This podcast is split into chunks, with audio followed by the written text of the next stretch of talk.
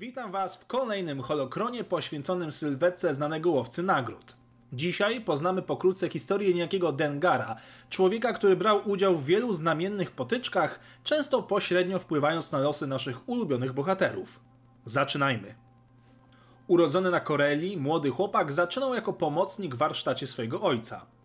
Uczył się naprawy i montażu słupów, co później zaowocowało miłością do samych maszyn i wyścigach na nich. Z biegiem lat stawał się coraz lepszym pilotem, natomiast jego główną drużyną była ekipa Ferini, którzy byli de facto ulicznym gangiem. Jego umiejętności pilotażu sprawiły, że już jako młody mężczyzna był wyścigową legendą na Koreli. Około 21 roku przed bitwą o Jawin, Dengar zdecydował się, że zostanie łowcą nagród.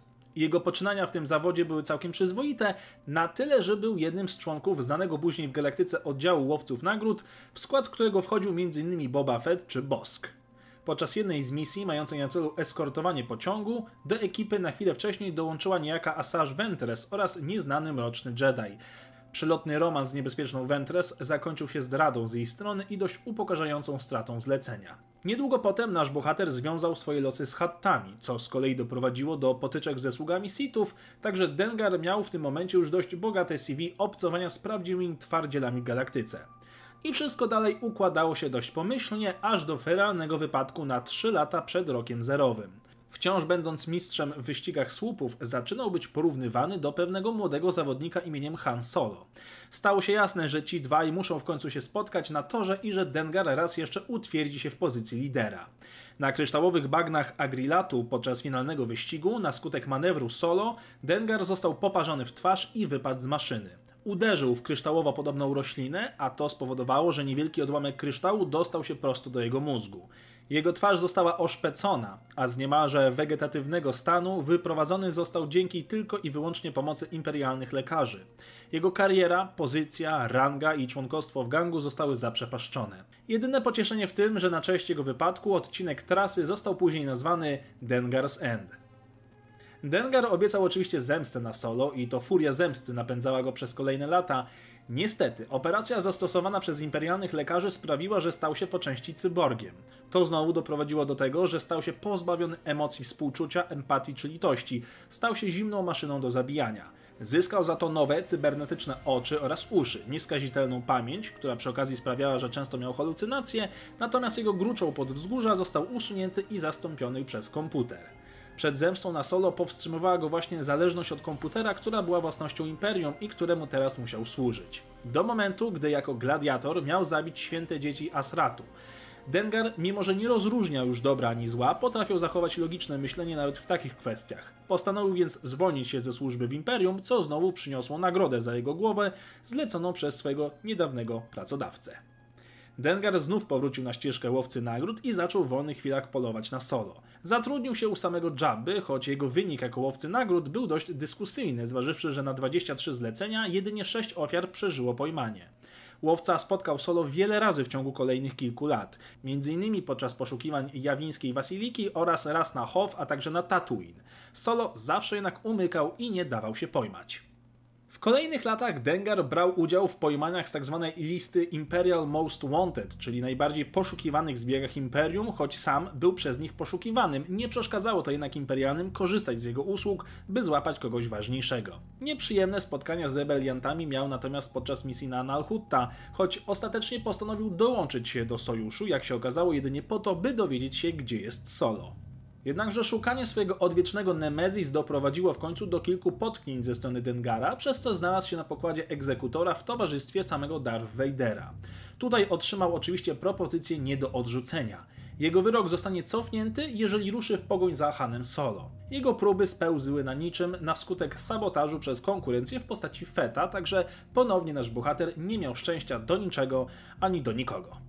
Gdy dotarł do miasta w chmurach, by znaleźć Solo, zobaczył jedynie odlatujący statek Slave 1 z jego ofiarą na pokładzie. Aż mi trochę żal tego biedaka, sami przyznacie.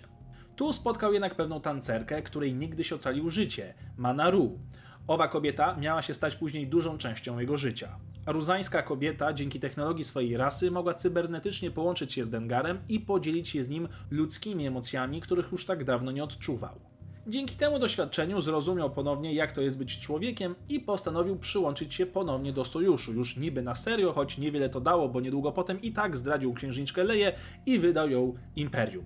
Raz jeszcze bez specjalnego powodzenia. Podczas pobytu w pałacu Jabby mógł w końcu wykrzyczeć wszystko, co myśli prost w zamarzniętą w karbonicie twarz Solo.